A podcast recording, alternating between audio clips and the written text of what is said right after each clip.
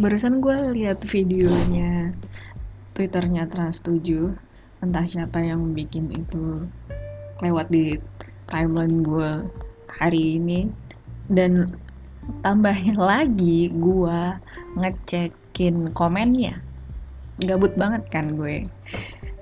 Baca komennya ternyata gue menemukan kalau gue punya persamaan sama orang-orang yang komen di video itu Persamaannya adalah kita punya karakteristik ibu yang sama. Jadi ibu-ibu kita di rumah sama-sama nonton itu dan ngira reality show itu beneran tanpa skrip. Padahal di videonya gue lihat ada adegan parkur-parkurannya, ya. Jadi terus gue mikir, apakah kalau misalnya gue udah jadi ibu-ibu gitu, apa yang anak gue pikirin ya? Apakah gue akan mempercayai hal-hal yang menurut anak gue agak-agak surreal? anyway, selamat datang lagi kepada aku, ya sih? Ya, jadi episode ini sebenarnya episode yang dibuat setelah se nggak satu tahun. Jadi sekarang ini Maret dan terakhir kali gue upload episode podcast adalah Juli tahun lalu. Hampir berapa bulan ya? Tahu dah, satu semester dah. Dah. ya Allah, bekasi banget sih gue. Gak apa-apa. Jadi gue rebranding podcast ini dengan nama yang beda, tapi tetap aja gue gue sendiri yang ngepodcast dan tentang hal yang sama tentang background gue setelah ada yang nanyain gue tentang podcastnya kapan ada episode lagi nih gue kasih tapi gue mau jelasin dulu sih walaupun gak ada yang nanya gitu kenapa gue pin eh pindah ganti nama kenapa gue rebranding gue akan jelasin aja oke okay? jadi sebenarnya alasan gue kenapa berhenti ngepodcast selama beberapa lama. Selain ya nggak ada motivasi berupa materi ya. Selain itu juga karena motivasinya kurang aja sih. Karena kalau misalnya gue mau buat sesuatu pasti gue mulai dengan kenapa. Kenapa gue harus bikin ini? Kenapa ini harus ada? Dan segala macam. Dan gue mulai kehilangan alasannya kenapa gue bikin podcast itu dan alhamdulillah gue udah menemukan. Adalah buat ya buat diri gue sendiri sih sebenarnya. Dan gue yakin juga kebanyakan orang-orang yang bikin podcast ya emang buat diri mereka sendiri. Gitu. Apa sih? Nggak menjawab banget ya. Nggak ada motivasional apa gitu. Jadi kalau misalnya emang ya podcast ini dirasa flat flat banget gitu. Karena gue cuma ngomong sendiri. Eh nggak apa-apa. Unfollow aja juga nggak apa-apa toh gue juga ya mbak-mbak biasa aja sih kayak siapa sih gue? gitu. Kadang-kadang gue suka kasihan sih sama orang-orang yang gue suruh dengerin gue atau enggak kayak ngomong sama gue eh gue dengerin podcast lo ya. Oh my god gue turut berduka ya atas waktu lo gitu. Itu salah satunya tapi nggak apa-apa lah. Lagian juga mereka nggak ada yang nyesel gitu. Atau mungkin nyesel tapi nggak bilang sama gue. Nggak tahu kenapa padahal gue juga nunggu tuh kayak yang eh apaan sih nih gitu. Ada juga sih yang nge-DM kayak gitu. Eh bikin dong kayak gini jangan kayak gini. Gitu tapi itu nggak bikin gue balik lagi gue kan bikinnya buat diri gue sendiri jadi ya ya udah. Soal gini uh, gue tuh nemu satu lagi permasalahan kurangnya motivasi gue dalam bikin episode podcast. Karena gue sendiri juga sebenarnya kalau di balik nih gue jadi pendengarnya gue juga sebenarnya ya lebih pengen dengerin orang yang expert dalam bidang tertentu. Misalnya gue pengen bahas arsitektur ya gue pengen dengerin arsitek. Cuma entah kenapa ya gue nemu ada beberapa podcast arsitektur juga. Dan yang bawa ini tuh seorang arsitek tapi gini hmm, dalam satu bidang gue menemukan si pelaku ini belum tentu bisa menjabarkan atau menularkan bidangnya ini pada orang lain. Misalnya lo expert di bidang kayu, lo sehari-harinya bekerja woodworking. Sementara ketika lo harus ngajarin orang untuk bisa sehebat lo, itu butuh kemampuan lain. Dan itu yang nggak gue lihat di podcast yang gue temuin itu. Wih sombong banget deh. Ya tapi jujur sih gitu gitu loh. Jadi ya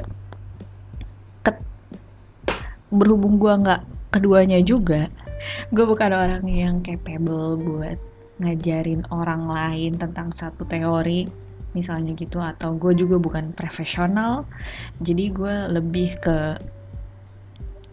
ya sama-sama belajar aja ya gitu. Jadi lebih ke bukan yang memberikan sebuah tuh sebuah solusi tapi lebih ke sama-sama membuat pertanyaan baru. Karena gue tahu tuh orang-orang nggak tahu apa yang mereka nggak tahu. Ngerti nggak? Kalau misalnya lo belajar mungkin lo misalnya kayak belajar di umuran gue yang bukan di sekolah dan gak punya kurikulum kurikulum untuk diikutin gitu. Lo kan nggak tahu harus mulai dari mana atau lo nggak taunya apa ya lo nggak tahu kan? Jadi dengan gue serius banget ya. Jadi dengan kita bertanya tentang fenomena-fenomena yang ada di keseharian kita bisa jadi kita dapat sesuatu yang nggak kita tahu. Paham nggak? Kayak oh ya sebenarnya gue nggak tahu ini ya. Ya udah gue cari. Itu sih yang gue pribadi juga butuh jadi di podcast ini gue harap kita bisa membawa pulang pertanyaan untuk dijawab masing-masing aja ya gitu oke okay? oke okay. Oke, okay, sesuai dengan judulnya Poverty Green atau hijau kemiskinan, gue agak-agak gimana ya? Gue agak-agak benci mengatakannya secara verbal nih. Hijau kemiskinan. Karena awalnya gue lihat dari Twitter ada satu orang nge-tweet tembok rumahnya hijau. Seakan-akan hijau tuh jadi identik dengan rumah-rumah yang RSS rumah sangat sederhana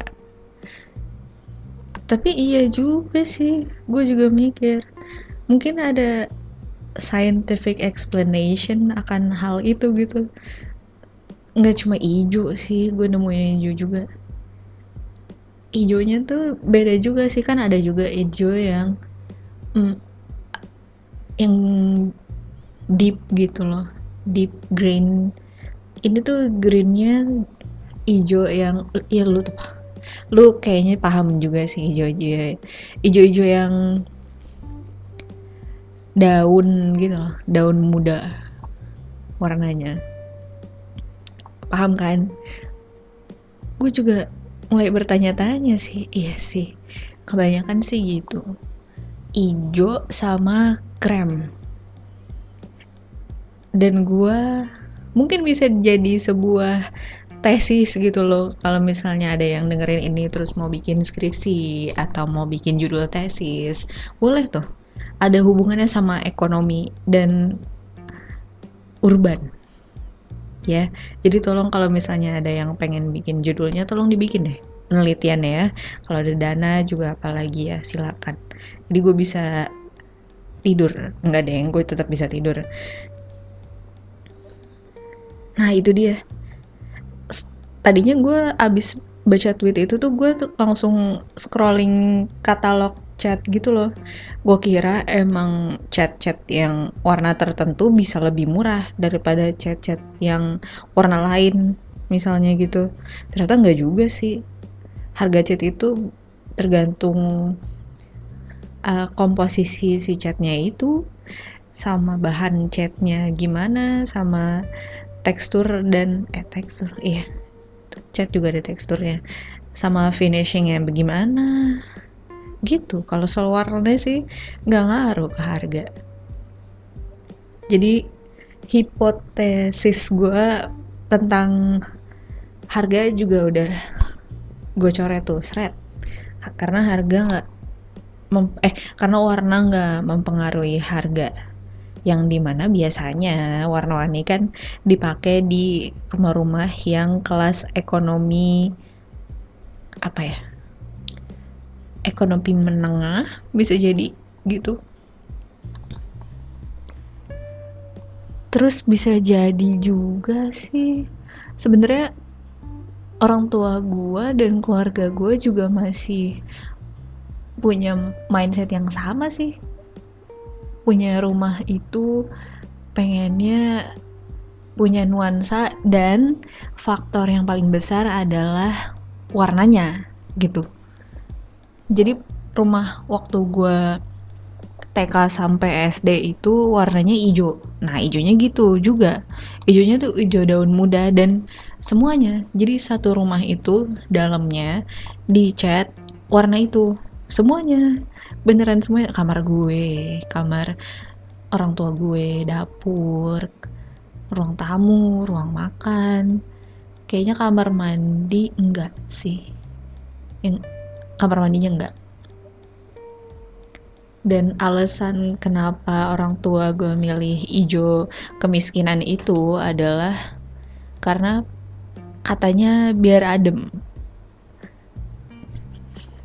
Gimana tuh apakah mungkin sama gitu keputusannya atas warna hijau tuh karena pengen adem. Kayak the new green gitu. Biar lebih eco friendly gitu kesannya. Gak tau deh. Bilangnya sih gitu aja biar adem. Oke. Okay. oke okay, oke okay, oke. okay. Iya bisa jadi sih kan katanya Hepta sesuatu yang lo desain bisa berpengaruh ke psikologis pelaku atau pengguna dari karya lo itu.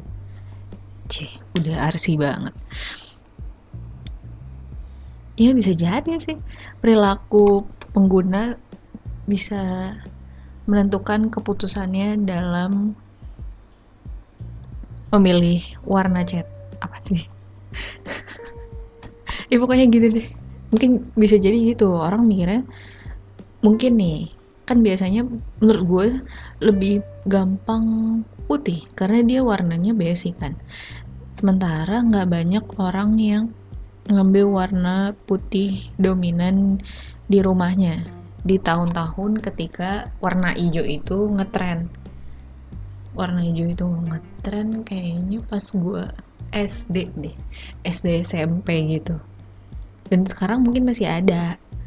Walaupun sekarang lebih ke apa ya putih sih. Karena mungkin arsitek-arsitek tuh lebih banyak flexing ke mode minimalis yang ya putih semua. Nggak ada ornamen aksen dan segala macem. Nah pas hijau ini bisa jadi sih karena ya itu sih. Zaman-zaman belum ada climate change namanya efek rumah kaca gitu. Jadi kayak pengen mungkin lebih ramah lingkungan kesannya gitu kali ya. Kok gue malah suzon sih. Tapi ya itu sih yang gue temukan jadi minta tolong banget nih. Sekali lagi gue bilang lagi ya kalau misalnya ada yang mau bikin skripsi atau mau bikin tesis coba deh bikin judulnya tentang ijo ini. Interior ijo khususnya sih. Karena kebanyakan di interior kan. Gitu. Terus kira-kira faktor apa lagi yang bisa mempengaruhi kenapa orang-orang di kelas ekonomi yang sama itu punya keputusan yang sama dalam milih warna cat. Kenapa? Tuh kan kayak yang gue jelasin di awal. Jadi podcast ini bakal diakhiri dengan sebuah pertanyaan yang ya bisa dijawab sendiri-sendiri aja deh gitu udah segini aja ya terima kasih yang mau mendengarkan bye